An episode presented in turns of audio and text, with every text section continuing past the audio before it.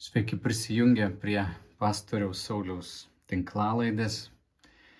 Visiems mūsų bendruomenės nariams skiriu šitą tinklalaidę ir viliuosi, kad tai, ką kalbu, padės mums artintis prie Dievo, pažinti geriau Dievą. Ir šį sezoną pradėsiu nuo savo istorijos nes matau dvasinį gyvenimą, tikinčiojo gyvenimą kaip, na, visą gyvenimą trunkančią kelionę į Dievo pažinimą. Ir tai, ką noriu pasidalinti iš savo gyvenimo, viliuosi taps, na, ir atskaitos toks taškas kai kuriem iš jūsų pažinti save, kur jūs esat ir padės jums aukti ir įgyti daugiau tokio pasitikėjimo tuo Dievo vedimu, kurį jūs išgyvenat ir taip pat suteiks kontekstą na, jūsų dvasiniai kelioniai. Ir paradigma arba tas žemėlapis, kuriuo noriu naudotis, yra Teresės Avilietės uh, aprašytas dvasinės kelionės paveikslas, jos knygoje Vidinė pilis ir um, jinai kalba apie įvairias buveinės arba tokius kaip kambarius pilyje, kur žmogus na, pradeda nuo išorinių sienų pilies užeiti į tą pilį ir vėliau tokiu tarsi apskritimu keliauti link pačios šerdės, link tos pilies centrinės dalies, kur jo didenybė pats viešpats gyvena. Ir tas paveikslas, kuris jai buvo parodytas maldoje, kalba apie, na, tokią progresyvę kelionę, kuri artinasi prie Dievo pažinimo, tačiau ji nėra tokia linijinė, jinai nėra tik tais, na, 1, 2, 3, 4, 5, 6, 7, septynios tos buveinės aprašytos ir, na, nesinori mąstyti apie jas, kad jos yra taip matematiškai apskaičiuojamos, tai daugiau um, išgyvenimai tam tikros patirtis, bet ir tendencijos, kaip veikia piktasis, kaip keičiasi mūsų maldos gyvenimas. Taigi aš pritaikysiu tai savo dvasiniai kelioniai na, su savo gyvenimo iliustracijom, o tu galėsi klausydamasis pritaikyti ir savo kelioniai su Dievu. Taigi pirmoji na, buveinė, kurią Teresė aprašo, čia paimsiu aprašymą, kuris buvo padarytas mano bičiulio Bilo Byrne, kuris ir mane yra lydėjęs keletą metų per na, dvasiniai kelionį ir mes esame miesto bažnyčioje turėję tokį atradimų, tokį savaitgalį arba visą na, rekolekcijas, kurios padeda mums suvokti, kur mes esame dvasiniai kelioniai. Ir ta pirmoji buveinė vadinasi naujas gyvenimas Kristuje. Tai pirmasis etapas, kai dar tik prasideda mūsų naujas gyvenimas Kristuje. Mes pradedame gyventi krikščioniškai ir dar tik tai mokomės, ką reiškia būti šiame pasaulyje, bet ne iš jo. Daugiausia šiame etape žmogus ieško Dievo pagalbos įgyti pasaulio malonumus, kurių neįstengia pasiekti savo jėgomis Dar šiame etape krikščionys ieško Dievo teikiamo išlaisvinimo nuo įvairių priklausomybių ir panašiai, lik tol sukėlusi daug skausmo ir sielvarto. Dievas toliau kviečia naujai įtikėjus artintis prie jo, atsiliepdamas į tikinčio pagalbos šauksmą. Tikėtina, kad tikintysis šiame etape susiranda krikščionišką bendruomenę, pasikrikštį ir yra mokomas bei ugdymas tikėjime tačiau Kristaus šviesa šviežiai iškeptam tikinčiam vis dar labai sunku pamatyti. E, žmogų vis dar engia demoniškos jėgos, vis dar didelė saviapgaulės įtaka. Na, mano kelionė prasidėjo 17. Aš neturėjau gilaus religinio patyrimo iki tol, tik jaučiau, kad Dievas vis kažkaip uh, tarsi prabildavo ir kalbindavo mane netgi 12 metų kažkada eidamas pro bažnyčios pastatą kretingoje. E, pajutau giliai viduje tokį suvokimą, jog esu nusidėjėlis, jog aš nesu vertas eiti pro bažnyčios teritoriją, nors nieks man nepasakoja nei kas yra Dievas, nei kas aš toks. aš priimu tai kaip tokius pirmuosius kvietimus Dievo į jo namus ir tuo pačiu parodymą, kad kažkas manyje yra sulinkę, sulūžę, sužeista ir tai, ką Dievas norėtų išgydyti manį.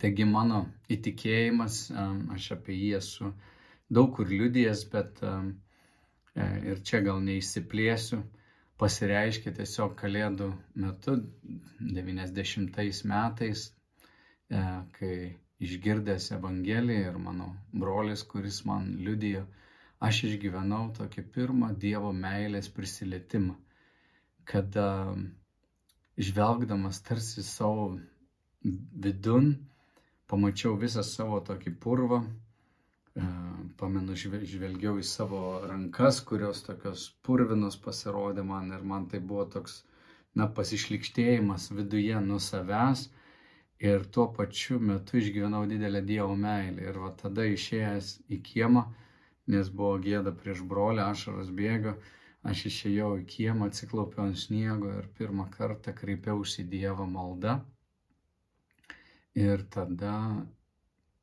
na, išgyvenau tokią didelę meilę ir didelį džiaugsmą.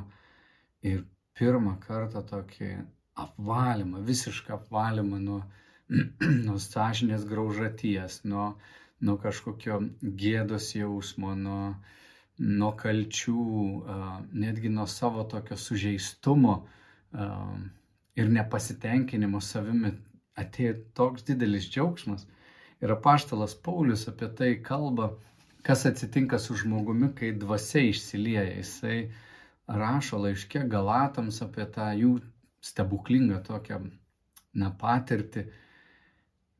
Ir jis pyksta ant jų, kadangi jie, na, pagyvenę truputį jau tikėjimo gyvenimą, kažkaip nusprendė palysti vėl po įstatymu ir, ir kai kurie atėję žydų tautybės žmonės sako, jums reikia laikytis įstatymo. Paulius jų patirtį aprašo šitaip, sako, noriu jūs paklausti tik vieno dalyko. Ar jūs gavote dvasią įstatymo darbais, ar įtikėdami, ką išgirdote? Nejaugi jūs tokie neprotingi, kad pradėję dvasia dabar užbaigsite kūnu? Argi tiek daug esate iškentėję veltui? O iš tiesų būtų veltui. Ar tas, kuris jums teikia dvasę ir pas jūs daro stebuklus, tai daro dėl jūsų įstatymo darbų, ar dėl to, kad įtikėjote, ką išgirdote. Taigi čia paštalas Paulius gražina tikinčiuosius į tas pirmasias dienas, kad jie, kada jie išgyveno šventosios dvasios išsiliejimą ant jų.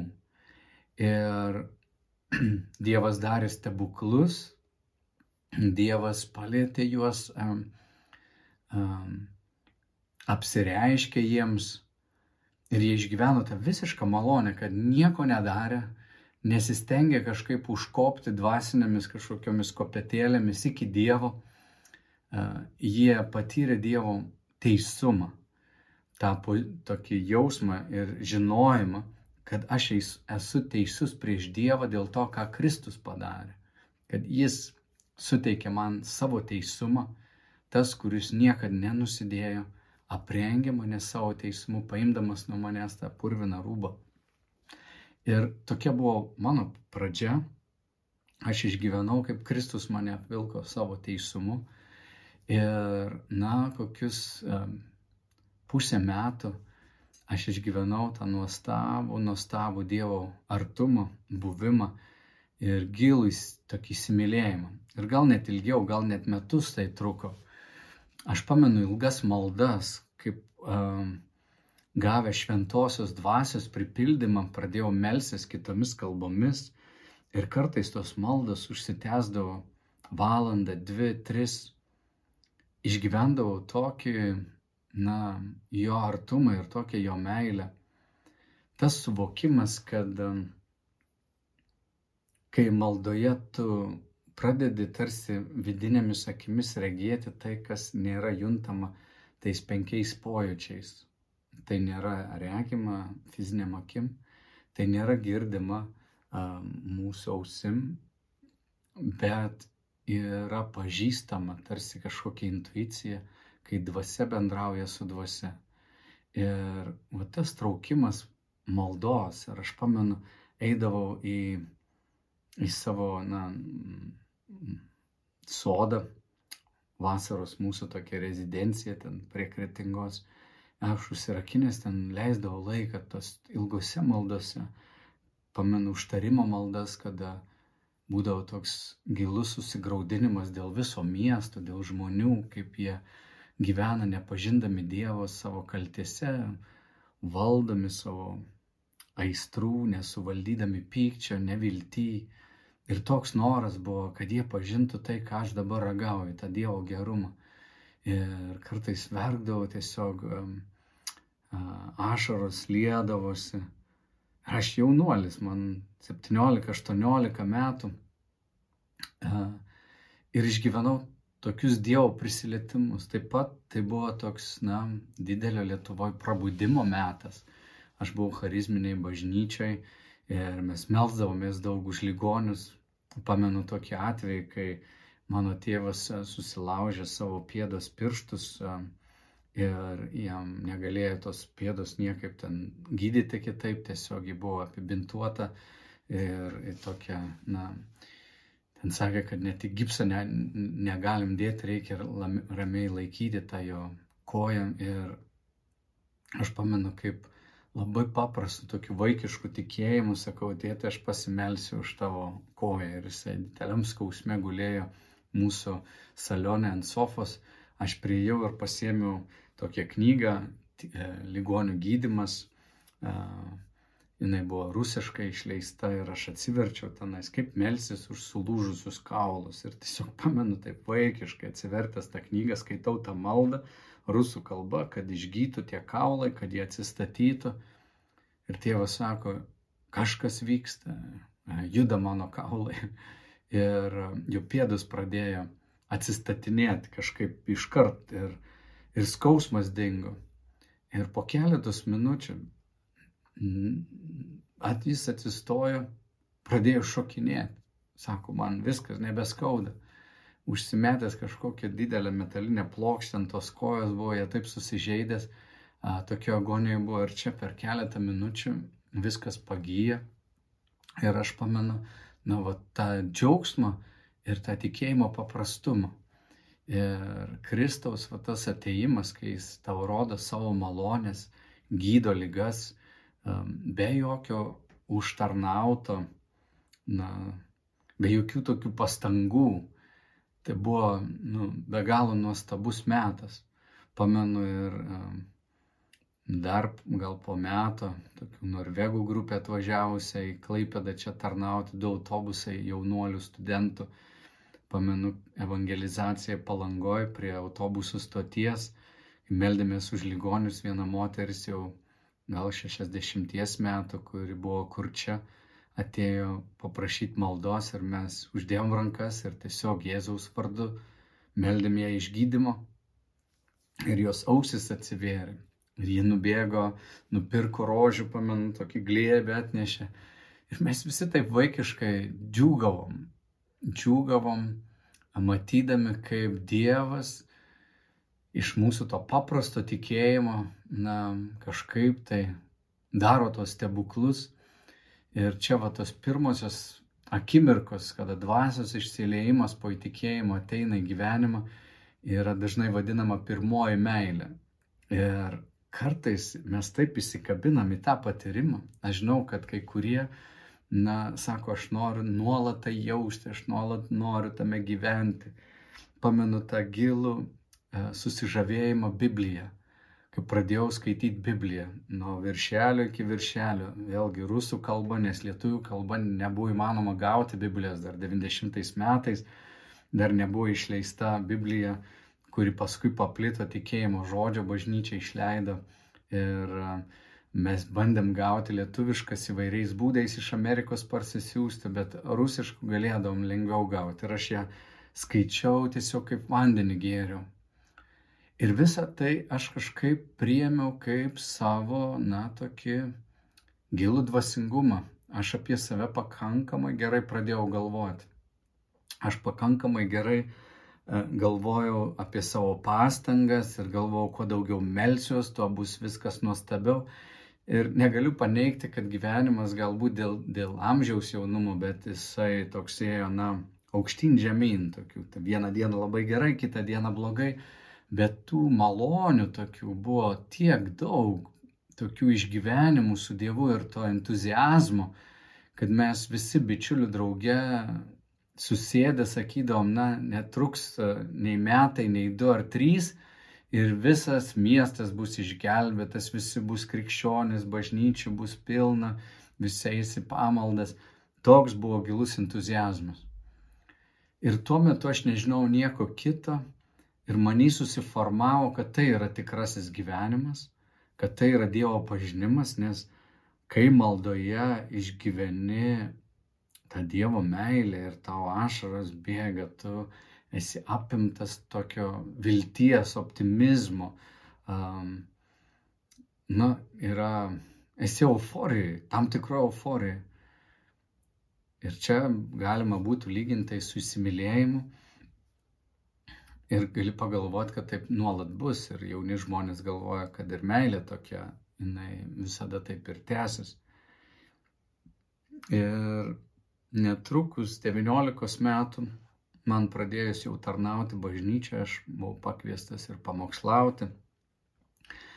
Aš pradėjau e, skaityti daug Dievo žodžio ir pamokslauti, man atrodo, sekėsi. Žinoma, pamokslams ruoždavos tokiu būdu, baime apimdavo, kaip čia dabar Dievo vardu reiks kalbėti, tai atsiklaupia ant kelių ir meldies valandą, dvi skaitai Bibliją meldiesi, meldiesi, meldiesi, kol ateina kažkoks suvokimas, mes tai vadinam apreiškimu. Ir tada su giliu įsitikinimu, tai ateidavo su kažkokia, na, dangaus autoritetu, valdžia, kalbėdavo su tokiu įsitikinimu ir aš stebėdavau, aš net galvodavau, kodėl 40 mečiai manęs klausosi. Ir nesuvokdavau, kad tai, kalb, ką kalbu, nėra na, mano išmintis ar ten mano patirtis, bet labiau Dievo išmintis, kuri šimtmečius, tūkstantmečius keitė žmonių gyvenimus. Bet netrukus išgyvenau um, ir įėjau į tą antrąją stadiją, apie kurią nebuvau girdėjęs.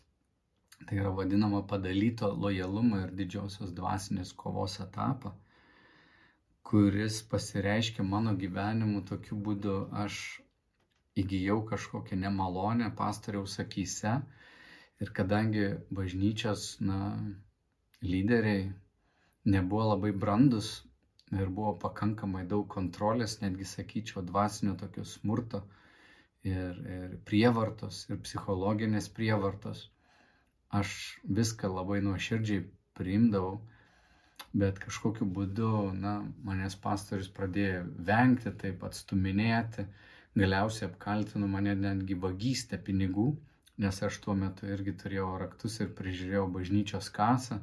Tai buvo labai nedidelė suma, bet e, mane dėl tos priežasties išmetė iš bendruomenės. Ir aš išgyvenau, na, didelę tamsą. Vėliau aš atsekiau kad netgi toj pirmoji buveiniai, toj pirmoji stadijoje, kad buvau labai įsimylėjęs ir kai pradėjau pamokslauti, kai viskas taip nuostabu buvo, e, vienos konferencijos metu buvo pakviesti e, bažnyčių ganytojai, pastoriai ant scenos ir aš pamenu labai gerai, kad aš savo širdį sakiau, aš irgi ten turėčiau būti su jais, nes aš irgi pamokslauju, nors nebuvau joks pastorius. Bet pamenu tą tokią puikybę, tokį netgi nepasitenkinimą, kodėl manęs nepakviečia. Nors teisiškai aš neturėjau to titulo, nebuvau pripažintas, tik apie save galvojau gal geriau negu reikėjo. Ir pamenu tada, tarsi šventoji dvasia būtų man prabilusi. Tu tai turėsi, bet mano laiku. Aš tai prisiminiau tik vėliau, kai jau buvau išmestas iš bažnyčios, išgyvenau tą tamsą ir po to, kai viešpats mane iš tos tamsos išvedė. Bet va, ta antroji buveinė mano atveju buvo iš tiesų labai labai skausmingas patyrimas. Tamsos metas, kada baimės apėmė, aš pamačiau savo bjauriausią motivaciją aprašymas šitos buveinės yra toks. Antrame etape mokinys jau suvokia, kad Dievo kelias geriausias ir nuoširdžiai pasiryšta gyventi pagal Evangelijos priesakus.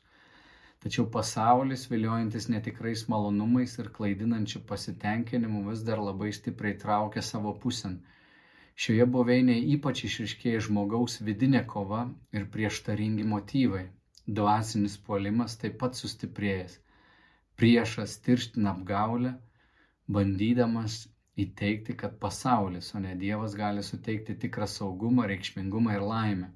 Šie vidiniai konfliktai ir draskimasis skatina krikščionį atsidėti maldai, per kurią Dievas paliečia širdį savo meilę ir kviečia į gilesnį ryšį ir artimesnius santykius grįstus meilę ir pasitikėjimu. Aš šitą gilę maldą ėjau, bet net nesuvokiau, jinai tiesiog būdavo dažnai išreikšta dūsavimais, negalavimais, baimėm. Mano pagalvė naktį būdavo šlapia nuo ašarų. Aš išgyvenau tokią kančią, kad galiausiai net nusprendęs nebenoriu net gyventi. Sakiau Dievui, aš dabar pasnikausiu, kol mirsiu. Kamuolys tavo rankose. Esu apie tai liudijas gal ir ne vienoj vietoj. Ir čia neišsiplėsiu. Bet būdamas toj tamsoj, tą dvasinę vidinę kovą išgyvenau ne dėl to, kad man reiktų eiti į pasaulį dabar ir būti viliojamu pasaulio kažkokiam grožybėm, kas atsitinka su kai kuriais. Jie nusivilia bažnyčia, nusivilia galbūt dvasiniais lyderiais, broliai, sesim ir juos pradeda traukti pasaulis, buvę malonumai. Mano atveju aš buvau jau taip giliai Dievo paliestas, kad e, manęs pasaulis nevilioja, aš ten irgi viską praradęs ir galbūt niekada neturėjau tokių vilčių nei turtų susikrauti, nei, nei kažko didelio pasiekti. Bet mano va, ta kančia pasireiškia tokiu savo a, vid, vidaus, tų vidinių motyvų na, atpažinimu. Pas mane pilna puikybės, apmaudo, pykčio, pavydo, dalykai, kurie mane na, labai kažkaip slėgė. Ir be to, kas su manim atsitiko, baisiau buvo dėl to, kas manyje vyksta. Aš tuo metu įgyjau tautodailininko titulą, turėjau tokias dirbtuves, žiedžiau puodus ir su manim darbavosi dar porą bičiulių su kuriais aš irgi bjauriai elgiausi, buvau toks kritiškas, nemalonus jiems ir tai mane be galo slėgi. Bet va to pasniko metu, kada aš jau nusprendžiau, man, man galas, aš nebegaliu, nebenoriu būti tame, aš sakiau, Dieve, pasnikausiu, kol numirsiu arba tu kažką padaryk. Tada viešpats vėl mane aplankė ir aš išgyvenau na, jo artumą ir išgirdau tokią vieną frazę – aš tave myliu. Šita frazė išsakyta paties Jėzaus man, suasmenino viską, kas yra Biblijoje. Aš supratau, kad esu matomas Dievo ir kad Jis mane prižiūri ir niekas negali man pakengti. Neplaukas nuo galvos mane nukris, jeigu Dievas neleis tam įvykti. Tuo labiau nieks negali manęs atskirti nuo bendruomenės, kas mane be išmestų ar įžeistų, ar dar kažkaip norėtų mano reputaciją sugriauti. Neturi tokių galių ir viską, kas įvyko, buvo Dievo duota, na, kaip leidimas, kad tai gali su manim atsitikti. Ir manį susiformavo labai tokie kertiniai, esminiai dalykai, kurie vėliau padėjo man gyvenime Ir tai buvo, kad joks žmogus negali man pakengti, jeigu Dievas neleis jam prie manęs priartėti. Kita, kad Dievas mane myli, netgi baisiausioje gyvenimo situacijoje ir koks bjaurus aš bebūčiau. Dievo meilės gelmė nesusijusi su mano elgesiu, su mano vidinė motivacijom yra daug platesnė, gilesnė, nei aš galiu įsivaizduoti. Ir Dievas mane prižiūri, man nereikia jam įtikti. Taip pat atėjo tokia gili laisvė nuo žmonių, bent jau tam momentui, tai akimirkai atėjo laisvė nuo žmonių tarnauti žmonėms. Jausmas buvo, kad jeigu Dievas duoda savo anspaudą iš dangaus dėl to, kuris mane šaukia, ką jis daro, man tarsi net nereikia žmogaus pritarimo, bet geriau būtų su jais, su žmonėmis pasitikrinti. Bet atėjo ir tokia laisvė, suvokimas, kad Dievas, kuris pašaukė žmogų, gali leisti žmogui, na, judėti nesuvaržytam kitų žmonių kritikos ar kitų žmonių pagirimų.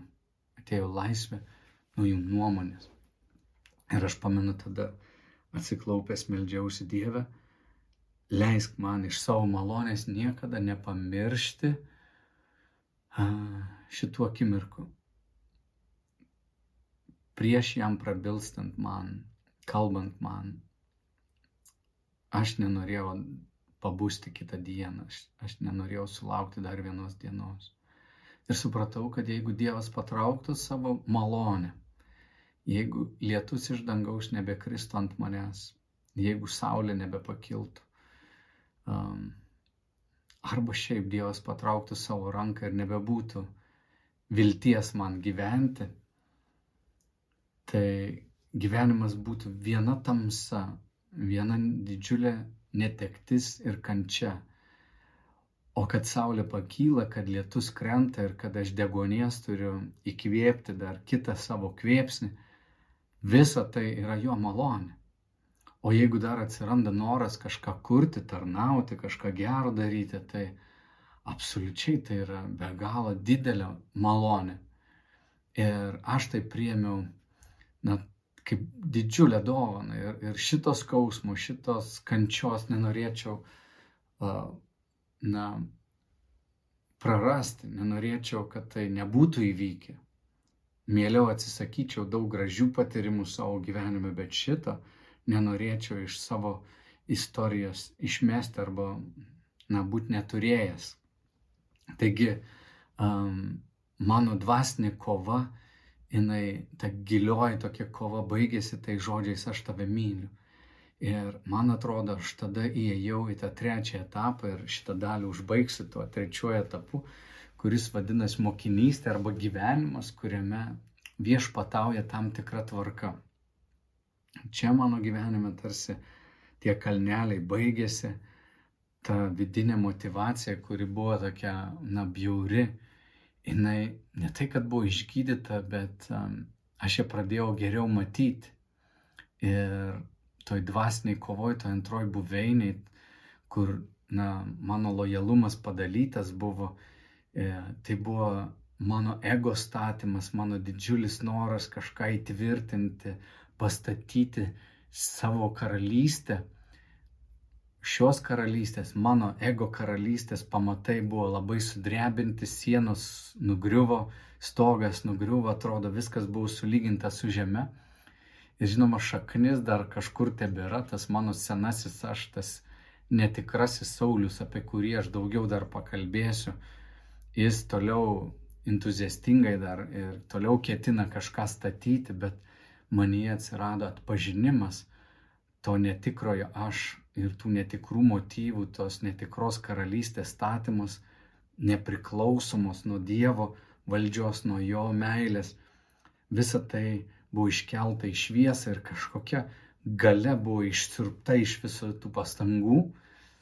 Ir aš supratau, kad tai yra mano priešas, mano tas senasis aš, tas senoji prigimtis, kurią aš turiu laikyti negyva ir mirusi ir nukryžiuota su Kristumi, jinai prarado labai daug galių dėl to, kad Kristus atėjo ir savo meilę mane taip išvadavo.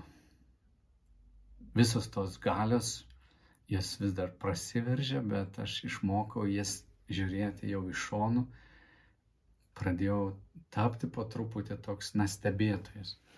Bet iki to akylo tokio stebėjimo dar prireikė daugybės metų, galbūt dar 20 metų praėjo, kol, na, aš pradėjau dar geriau matyti tai, kas vyksta mano viduje. Bet po tos antros buveinės, trečioji buveinė, jinai pasireiškia jau kažkokia tai tvarka. Na čia aprašymas būtų toks, prieėjus trečią buveinę krikščionių gyvenime jau yra nusistovėjusi tam tikra pusiausvara. Krikščionis praktikuoja Kristaus mokinio gyvenimą. Dvasinio augimo bruožai - reguliarus bažnyčios lankymas, tarnystė, nuolatinė ar reguliari malda, sąmoningos pastangos gyventi krikščioniškai ir nuoširdus noras įtikti Dievui, pagerbti jį. Tačiau pasaulio pagundas vis dar labai realios. Šiame etape prasiskverbia subtilesni pagundimai - puikybė, pavydas ir panašiai, kurie kelia nekiek e, nemažesnę grėsmę. Dievas ir toliau lanko tikinti, jam studijuojant žodį, garbinant per pamokslus, gyvenimo sunkumuose ir toliau ragina geriau pasinerti į maldą, giliau pasinerti į maldą. Malda šiame etape daugiausiai Dievo malonių ir paslaugų prašymas ir padėka už atsakymus. Tikintysis šiame etape jau pramoko išlaikyti pusiausvyrą tarp pasaulio reikalavimų ir Dievo kvietimo tarnauti. Nors esminiai nuodėmės ir priklausomybių klausimai jau išspręsti ir sutvarkyti, tikintysis vedamas į gilesnį lygmenį, apšviečiamas jo nuodėmingumo gylis ir širdį glūdintis prieštaringi motyvai. Taigi, taigi ta kelionė, kada šventoji dvasia vis daugiau šviesos um, lieja ant tų tamsių kertelių, jinai, na, tas procesas tęsiasi, bet atsiranda ir daug daugiau stabilumo. Po mano tos gilios, va, tokios um, dobės. Kitas etapas buvo, kad um, atsirado be galo didelis entuzijazmas, viltis. Aš per tris mėnesius pramokau anglų kalbą, eidamas pas vieną mokytoją privačiai ir išgirdau apie LCC tarptautinį universitetą. E, ir čia atskira istorija, bet aš um, truputį ten sumelavau, kad aš jau mokausi nuo 16 metų anglų kalbą, bet aš atėjęs interviu po trijų mėnesių mokymosi anglų kalba kažkaip sugebėjau įtikinti, kad man labai čia reiktų mokytis ir mane priėmė vieniem metam į tokį e, žiemos kalbos institutą. Ir po metų aš išlaikiau tarptautinį TOEFL egzaminą ir įstojau į LCC tarptautinį universitetą pirmąjį kursą man tai buvo toks, na, Dievo malonės ir, ir gilaus tokio jo, na, rūpeščio parodimas ir kontrastas tarp tos tamsos, kurioje buvau ir po metų jau kalbėti anglų kalba, kas man atrodė nerealu, buvo kažkoks tikrai didelis Dievo stebuklas, nes aš tokį e, turėjau sugriautą savim pasitikėjimą, Aš prancūzų kalbą mokykloje mokiausi šešis metus ir, ir vieną ką moku, bonjour, žamapel Saulius, e, mano vardas Saulius ir laba diena ir, ir daugiau nieko. O čia per metus laiko išmokau anglų kalbą. Žinoma, intensyvios studijos buvo ir, ir, ir mokė mane kanadiečiai, amerikiečiai, bet e, aš tame atpažinau tokį didelį Dievo na, gerumą. Ir bažnytinis gyvenimas toks tapo reguliarus. Aš kiekvieną sekmadienį pamaldas vaikščiau, žodžiu, malda, a, tokia šlubavo žodį, žodį, skaitydavau irgi reguliariai, nors būdavo etapai, kad aš savo sakydavau, skaitysiu tik, kai nuoširdžiai norėsiu ir stengiausi neapsimetinėti, kartais to noro nebūdavo kelis mėnesius ir aš neskaičiau Biblijos, bet visada traukia mane tarnauti bažnyčioje. Ir tai aš matau kaip šventosios dvasios kvietimą. Čia manau, kad mums visiems, kas vat, esame miesto bažnyčia, noriu pasakyti, kad tu gali būti studentas, gali būti stomatologas ar mokytojas ar pardavėjas. Mes visi esam Dievo įdarbinti pilnu etatu. Mes esam pašaukti jam tarnauti 24 valandas per parą.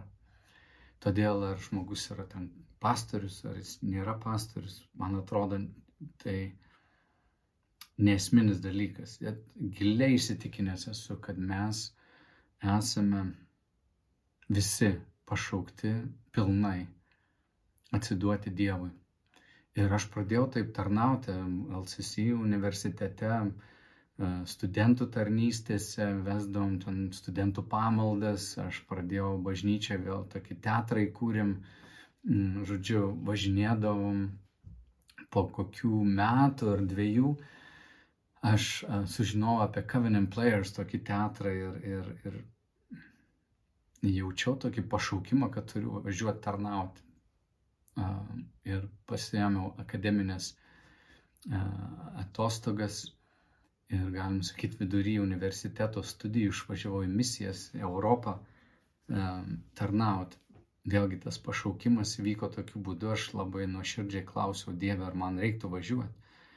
Ir pamenu, vienų pamaldų metu iškėlęs rankas garbinu Dievą ir girdžiu važiuok, aš noriu tau parodyti Kristaus kūną. Šitie žodžiai taip keistai nuskambėjo, galvoju, nu tikrai aš taip nesugalvočiau savo prakalbėti. Ir aiškumas buvo Dievas mane šaukė, aš tada išvažiavau dviem metam, galiausiai tai užsitęsė iki trijų metų, bet man teko tarnauti įvairiose bažnyčiose, įvairiose denominacijose katalikų, ortodoksų, liuteronų, išganimo armijoje, Švedijoje, Vokietijoje, Airijoje, Anglijoje. Žodžiu, ten ir su Sana susipažinau. Bet visą tą laiką mes tarnavom senelių namuose, mokyklose, kalėjimuose, visur, kur yra žmonės, mes galėdavom vaidinti, mm, e, įvairiausius spektaklius statyti. Ir man tai buvo stipri patirtis aš subrendau ir kaip asmuo, daug sunkumų išgyvenau, bet ir tokio reguliarumo tarnaujant Dievui. Kažkaip, va čia mano mokinystė vėlgi įsilieja visas sritis. Ir mes gyvenom tokia, na, nuolatiniuose iššūkiuose. Būdavo, kad jeigu mes neturim kur pasirodymų turėti, tai neturėdom ir kur nakvoti, turėdom patys save išlaikyti ir tenai tarnaudami buvom ir režisieriai, ir aktoriai, ir patys pardavinėdavom tos pasirodymus, žodžiu, reikėdavo ir, ir pardavėjais būti. Tai man tie trys metai buvo tokie labai reikšmingi ir čia mačiau daug atsakymų. Netgi, tarkim, važiuojam, sugenda autobusėlis mum ir mes neturim kur nakvoti, pasimeldžiam, atsiverčiam kokią knygą, paskambinam į vienuolyje mus priima, arba sustoja žmogus mus apgyvendina, duoda valgyti, žodžiu, padovanoja mums kitą automobilį. Daug stebuklų galėčiau pasakoti. Ir čia vat, mokinystės tas kelias, jis toks tampa stabilus. Aš tarnauju, e, vėliau grįžus man iš misijų, baigus universiteto studijas čia Klaipėdai, mes su Sana išvažiuojam į Ameriką mokytis metam laiko, vėlgi stebuklai po stebuklų, kažkokia šeima mus priima, duoda mums automobilį metam, mes galim gyventi neturėdami pinigų atvažiavę iš Lietuvos, Amerikoje. Žodžiu, tas sėkimas Dievu pasireiškia giliu atsidavimu Dievui, tarnavimu jam.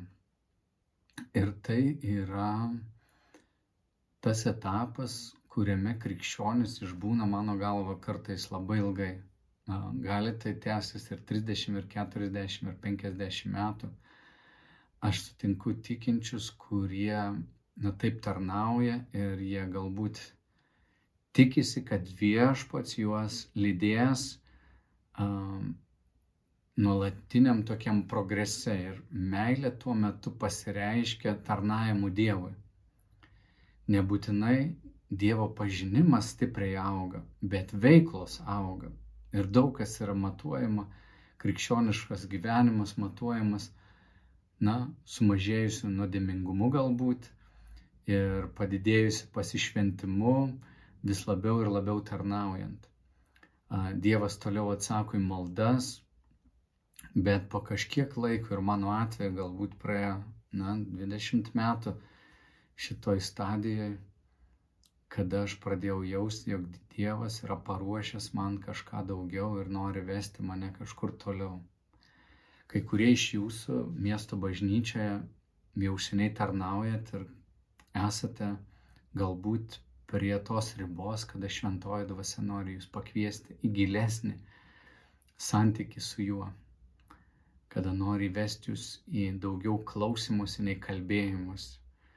Nes šitoje mokinystės stadijoje maldas dažnai yra prašymai, daug monologo, daug išsakymų, ko Dieve man reikia, nusivylimai, išbandymai, kovos dvasinės, kur Dievas atsako į tas maldas.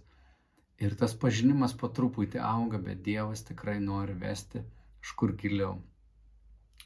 Na, kad ši tinklalaidė, šitas epizodas neišsitęstų labai ilgai, aš sustosiu čia ir pratęsiu kitoje dalyje Tai viešpatė Dieve, te būna šitie žodžiai mums naudingi ir kad kiekvienas, kuris klausosi tiek mano refleksijos e, iš mano gyvenimo, galėtų atpažinti, kaip tu šventoji dvasia nori vesti ir vedi juos asmeniškai. Taigi, brangieji, susitiksim kitoje dalyje. Ačiū.